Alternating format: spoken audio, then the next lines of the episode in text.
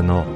Эрхэм мөндөд сонсогч танд Дэлхийн Адвентист радиогийн салбар Итгэл найдрын дуу хоолой радио станцаас мэдчилж байна. Сонсогч танд хүргэх маань нэвтрүүлэг өдөр бүр Улаанбаатарын цагаар 19 цаг 30 минутаас 20 цагийн хооронд 17730 кГц зөвлөлтөөр 16 метрийн долгионоор цацагдж байна. Энэхүү нэвтрүүлгээр танд энэ дэлхий дээр хэрхэн аз жаргалтай амьдрах талаар зарчим болон мэдлэгийг танилцуулахдаа бид таатай байх болноо. Таныг амарч байх үед аль эсвэл ажиллаа хийж байх зур би тантай хамт байх болноо.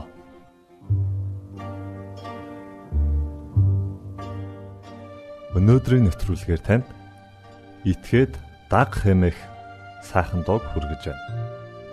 Үүний дараа та өөрийгөө байлдан дагуулагч болгон хөгжүүлэх хэмэх цуврал нэвтрүүлгийг сонсох болно. Та бүхэн таалан сойрхноо.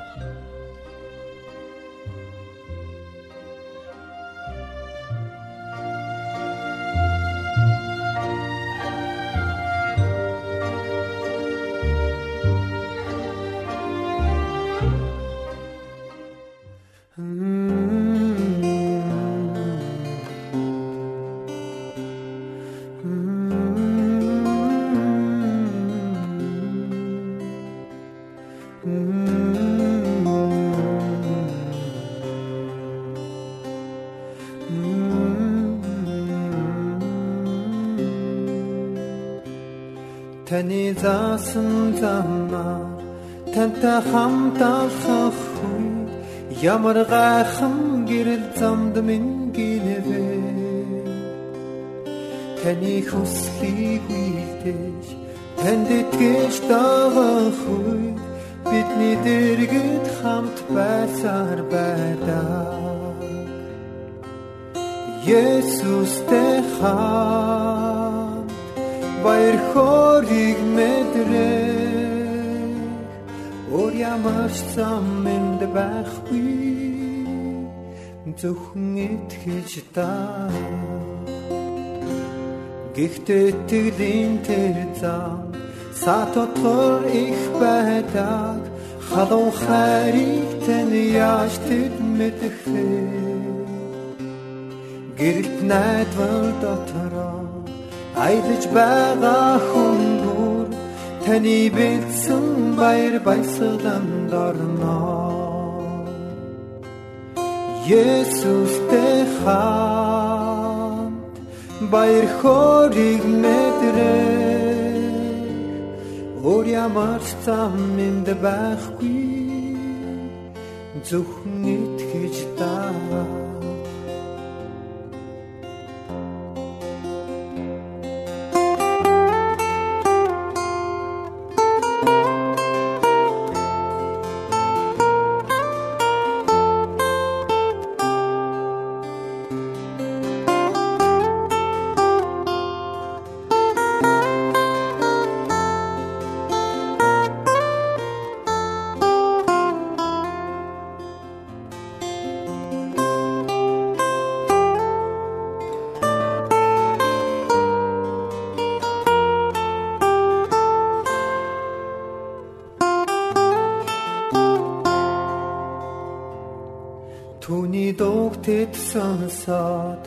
түүний хөл суух болно. Тэгээд эргдэн алхаж ярилцах болно. Ямар ч айдасгүйгээр таны хүслийг биелүүлж зөвхөн танд итгэж таныг дагна. Есүстэй хаа баяр хориг мэдрээ Өөр ямар зам минь байхгүй. Есүстэй хаа баяр хориг мэдрээ Өөр ямар зам минь байхгүй. Зөвхөн итгэж та хаа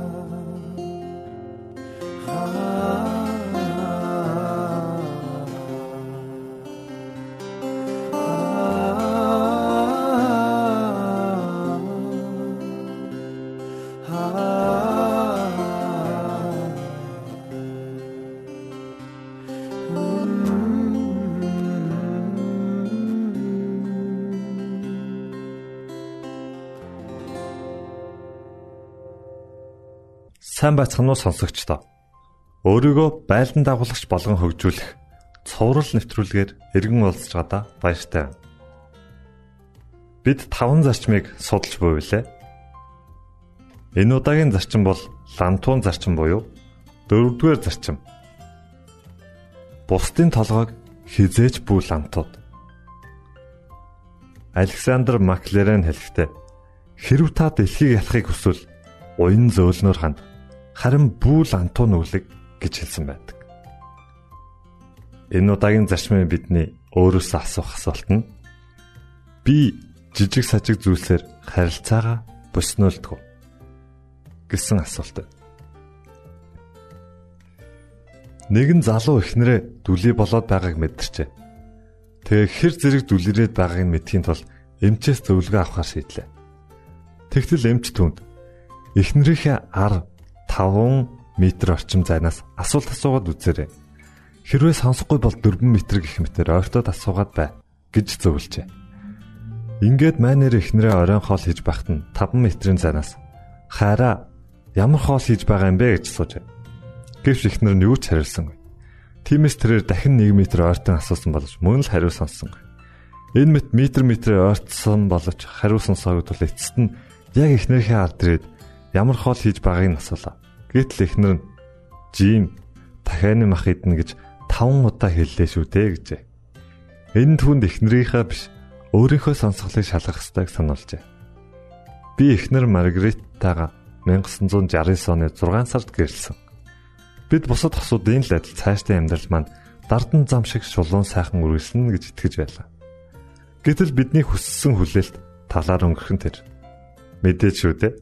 Бид бие биенээсээ өөсөө болж харсаар хаяа нэг маргалдаж зөрчилдсөөр улмаар үүнээс гарах үр дагаврыг амсаж эхлэв. Ийхүү гэр бүлийн амьдралд хэрхэн зохицож амьдрах вэ гэдэг асуултын хариултад нэлээд цаг гарах шаардлагатай боллоо.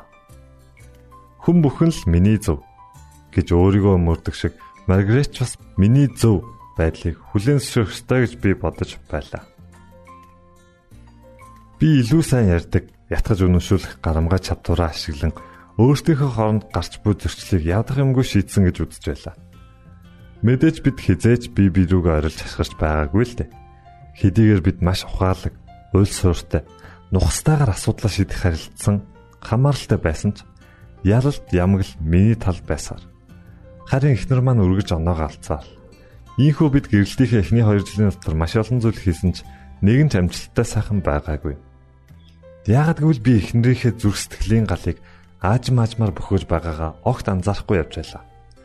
Цаашлах тусам тунж гомдлох нь ихсээр хоёр биенийхээ дунд үйл ойлголтын хан босгон тоосгон нэмсээр байгаагаа ч мэдсэнгүй. Эцсийн мөчөд гэр бүлд минь ямар их аюул нөөрлжсэн байгаагч би анзаарах сөхөөгүй явсаар байв. Гэтэл нэг өдөр эхнэр минь хажууд ир сууснаа. Урд нь болж өнгөрсөн маргаан зөрчилдөөс болж ямар хэцүү зүйл мэдэрч байгаа талаар учиргүй тайлбарж гарлаа.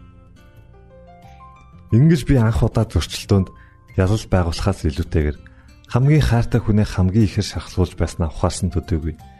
Түүнтэйгээ харилцаагаа барьж байгуулах нь илүү чухал юм байна гэдгийг ойлгосон билээ. Тэр өдрөөс эхлэн би гэр бүлийнхээ харилцаанд өөрчлөлт хийхээр шийдсэн. Зөв хандлагатай байна гэдэг нь зөв хариулт өгөхөөс илүү чухал гэдгийг ухаарсан минь намайг илүү уян хатан болгож өстой л долоо хэмжээс нэг огтлох гэдэг зарчимд сургасаар байлаа. Ингээ бидний хооронд үл ойлгоснын хан нурж харин хайрын гүр баригдаж эхэлсэн юм. Тэр цагаас хойш би хэн нэгэнтэй зөрчилдөх зүйл гарвал эрүүл ухаанаар харж эвэйг хичээн зохицуулдаг болсон.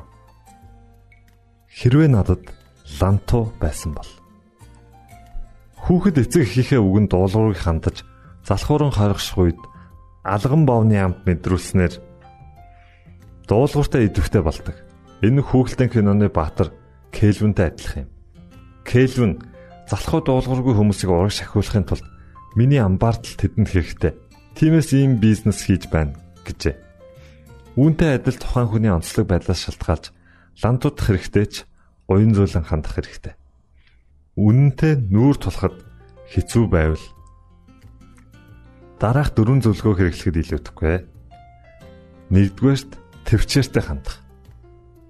40 иргэм насны нэгэн хүн зоогийн газар оронгота шуудхан л зөөгчдөр очиж танаа зогсуулга намдах ямар нэг юм байна уу гэж асуулаа.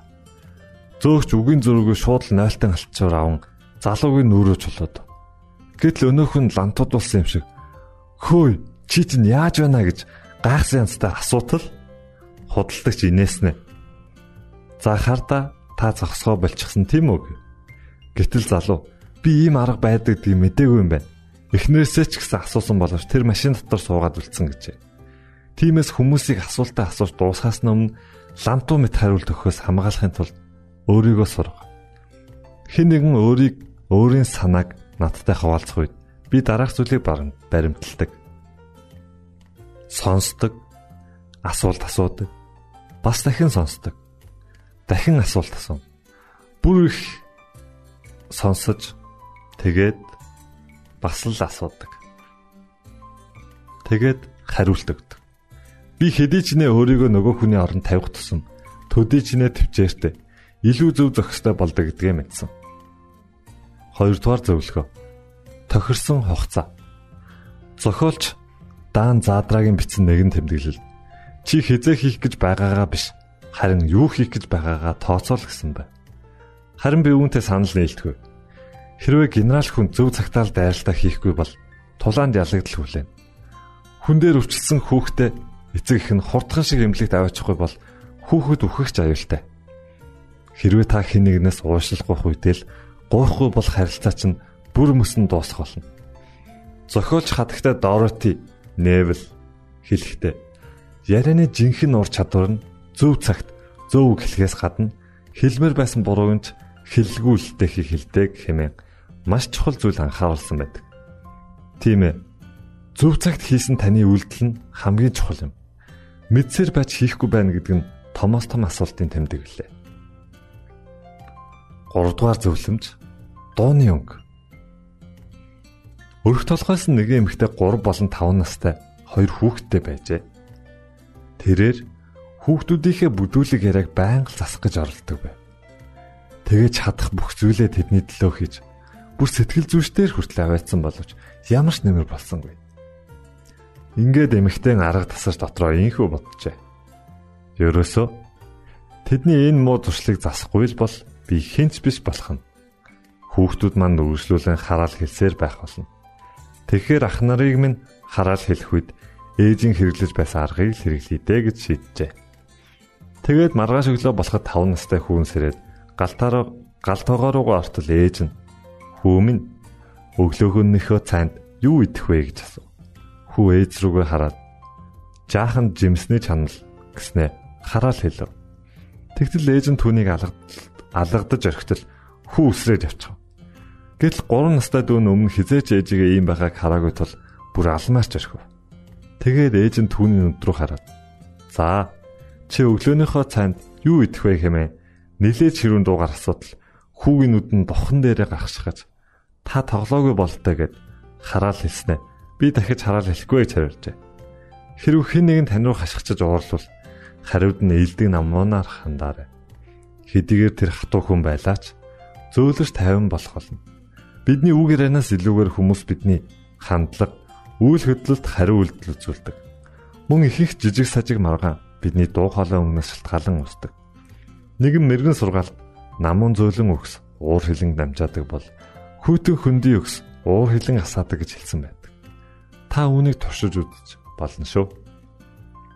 Дөрөвдүгээр зөвлөмж хандлагын хэм хэмжүүр. Төргөн ортой хүн яг л бөмбөг тесрэгтэй адил байдаг бөгөөд зүү шидвэл зөрүүлээд тэвэн шиднэ гэсэн хандлагатай байдаг. Энэхүү хандлага нь түнд нэлээд бэрхшээлүүдийг авчирдаг төдийгүй тулгарч буй асуудлуудын хэмжээнээс болоод гарах шийдвэр нь хүртэл дээш доош хэлбэлцэж байдаг. Үүнийг дараах байдлаар дүгнэж болно тухайн үйл хөдлөлөөс үүдсэн хариу үйлдэл нь сөрөг байвал асуудал хурцддаг. Тухайн үйл хөдлөлөөс үүдсэн хариу үйлдэл нь эерэг байвал асуудал намждаг. Миний хувьд өөрийгөө тэнцвэртэй байлгахын тулд 30 секундэд бүх мэдрэмжээ хуваалц. Тэгээд гүйцээ гэсэн сануулгах журам баримталдаг. Хэрвээ би том асуудал үүсгэхээс өмнө жижиг асуудлаа шийдэхгүй бол бусд руу лантуудахаас өөр аргагүй төрдөг. Эхнэр бид хоёр ямар нэгэн асуудал толгох үед бие биедээ тусалдаг. Хүүхдүүд маань жаахан байх үед би тэдэнтэй зөрчилдөх зүйл цөөнгүй л гардаг байлаа. Тэр үед бидний баримтлагдаг байсан журам бол бид хоёр гар гараасаа барилцаж зэрэгцэн суугаад хүүхдүүдтэйгээ харилцан ярилцдаг байв.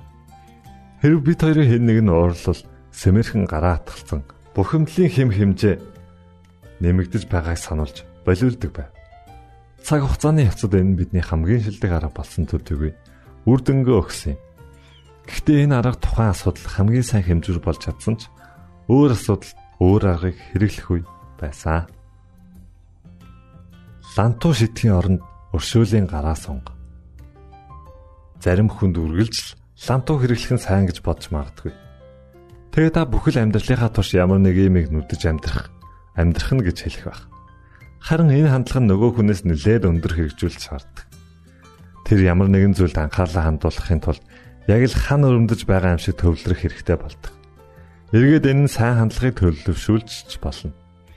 Гэвч хүмүүсийг үргэлжл балбаж нүднэ гэдэг үнэхээр хэцүү бэрх арга юм. Сэтгэл зүйч Абрахам Маслов таны гарт зөвхөн лантуу байвал бүх асуудал хадаас шиг харагцаар байх болно гэжээ. Тиймээс бусдыг лантуудгаас илүү эрүүл харилцаа арга замыг олох хэрэгтэй. Хэрв та хүмүүсийн сэтгэл төрх арга хөгжүүлэхийг хүсвэл дараах зөвлөгөөг өөрийн зүрхэнд оруулаарай. Өнгөрсөн зүйлийг өнгөрсөнд нь үлдээж сурах. Хоёрээр эхнэрүүдийнхээ талаар нэлээд гомдлжээ. Нэгдэх нь бид хоёр хэрэлдэхэд эхнэр маань ойлог болсон түүх ярьдаг гэж л дээ. Гэтэл нөгөө найз нь үлгэр ярьдаг гэсэн үү гэж асуудал. Үгүй дээ бүр өөлөрч баларсан түүх гэж хэлээд тэр миний хийсэн буруу зүйлийг үргэлж надад сануулдаг гэж хариулж. Тиймээс асуудлыг тэр дорн шийдэн тухайн цаг үед нь үлдээ. Дахин дахин сөхөж өнгөрсөн цаг үеийн алдааг өнөөдөр сэргээх хэрэггүй. Хэрв та асуудлаас өгсөөр байвал хүмүүс рүү лантуу барин даарч бусдыг хадаас болгож байна гэсэн үг шүү. Миний хариу үйлдэл асуудлын нэг хэсэг. Бусдад өгөх хариу үйлдэлээ Энэ надад яаж хандна? Би түүнд яг тэгж хандна гэж муугар бүү илэрхийл. Учир нь надад хандах ханд надад хандах бусдын хариу үйлдэл ямар ч байж болох тул тухайн хүнийг буруутган харлгүй харин ямар учиршилтгаан энэ хүнийг ийм хандлагатай болж байгааг олчаар үүнийг бид өвтөлтийн зарчим дээр үтсэн. Удаан хугацааны турш дурддагцаар байдаг үйл явдлуудыг сан. Та дунд сургууль төгссөн гэрчлэгийг эсвэл коллеж төгссөн дипломоо байн байн гарган ирж дээр нь бичсэн бүхнийг дахин тавтан дооддог.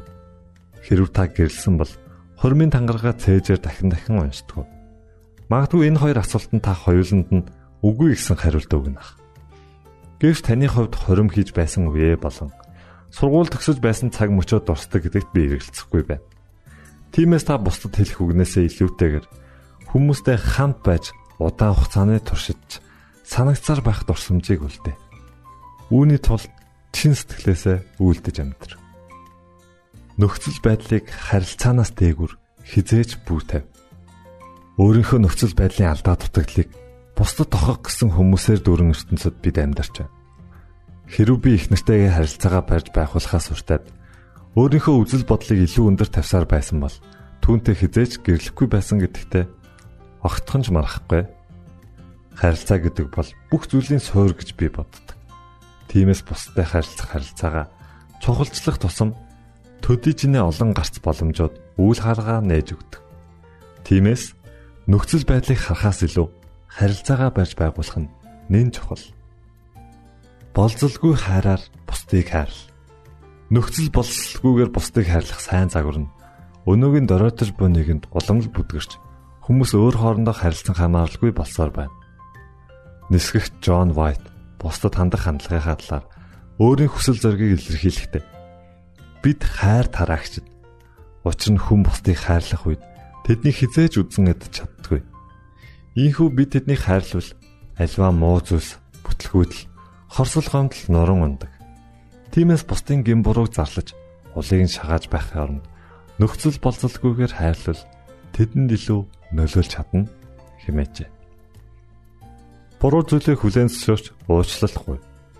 Чикаго дахь нэгэн клубын гишүүн Ол Капони та илдэг сайхан үг тарих тусам илдэг сайхан үг хураан авах болно гэж хэлжээ. Юутай ч танд хэлэх маш чухал үг бол уучлалт гэдэг хамгийн сайхан зүйл гэж хэлж байхдаа би өөрөө ч гэсэн баяртай. Та бусд руу элбэрэлт гараа сунгахын оронд лантуу нүлгэж байна гэдгээ ухаарах мөчөд бурууга хүлээн зөвшөөрч уучлалгүйх нь хамгийн сайн арга болдог. Энэ нь таныг үе олон гэмнүглээс далж өгдөг. Та яг энэ бүлгийг уншиж байтал найз чинь эсвэл тантай хамт ажилладаг хэн нэгэн санаач нь орж иж болох юм. Хэрв та түүнийг лантуудаар зөхиж байсан бол төр хүлээгээд өөрлөгөө нэг өнгийн хараарай. Түүн таны илбрэлт гар гарцаагүй хэрэгтэй байгааг харах болно. Хүн бүр тулгардаг асуудал бол тэд цаг үргэлж лантуу хэрэглэж байдаг гэдгээ мэдэхгүй л байгаа юм. Майк Кемэх банкны хөрөнгө оруулагч залуу лантуу шидэж байсан тул үүнээс гарах гарц олохын тулд ерөнхий дасгалжуулагч Gold Steam-ээс өөртөө туслахыг хүсв. Тэрээр өөрийгөө түнд гадаа бол эрэлхийг дайчин боловч гэртээ нохоо харсан муур шиг л хүн гэжээ. Тэгтэн Голдсмит хүнд эхнэр рүүгээ залгаад өөрийг нь хэрхэн дүүнж байдаг талаар асуу гэж зөв. Гэтэл эхнэр нь түүнийг тэр гэртээ арслан бар шиг л байдаг гэж хэлсэнд түүнийг мэйл гайхаж цэл хөхрүүлж орхижээ. Хүүхдүүд нь ч хүртэл ээжийнхээ эснийг батлсан тул эцэст нь Майк өөрийнхөө үнэн байдлыг хүлээн зөвшөөрчээ. Ингээд Голдсмит хамаг байдаг хүмүүс чинь тойл барьсантай адил. Тэд танд харж байгаагаа л хэлэх болно. Та тэдэнд итгэхгүй байлаач үнэндээ танд хайртай учраас үннийг хэлдэг. Хэрв та үнийг үргэлжлүүлсээр байвал таны эргэн тойрны хүмүүс хадастай адил болох болно гэж зөвлөжээ.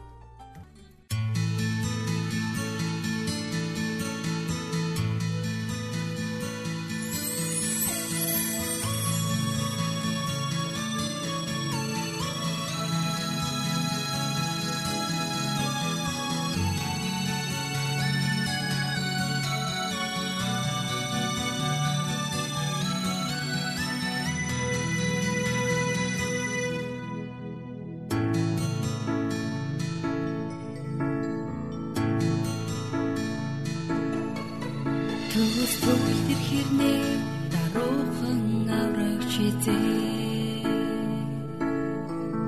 Сөргөчтэй мөртлөө нэг үслэр дүүрээ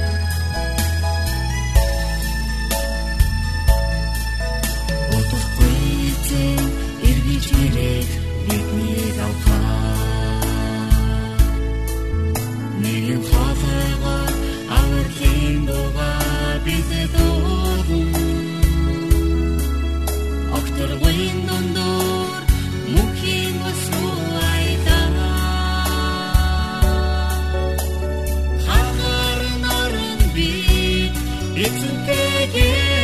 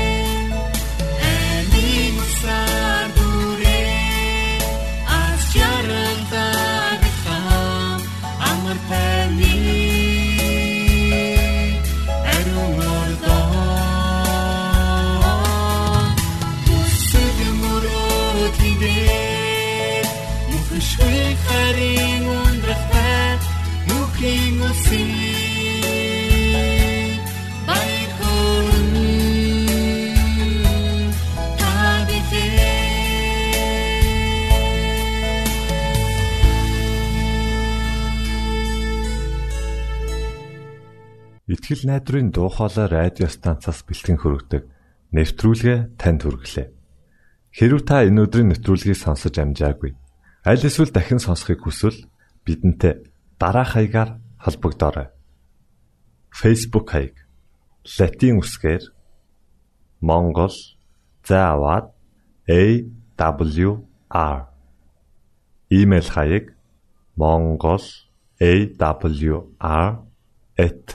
mongol@gmail.com Манай утасны дугаар 976 7018 24 9 Шуудангийн хаяг 16 Улаанбаатар 13 Монгол улс. Биднийг сонгон цаг зав аваад зориулсан танд баярлалаа. Бурхан таныг ивээх батугай